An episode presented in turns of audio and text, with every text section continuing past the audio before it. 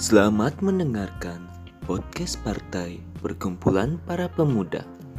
Eh, orang sangat meragukan sekali sebuah konsep bernama long distance relationship atau biasa disebut LDR.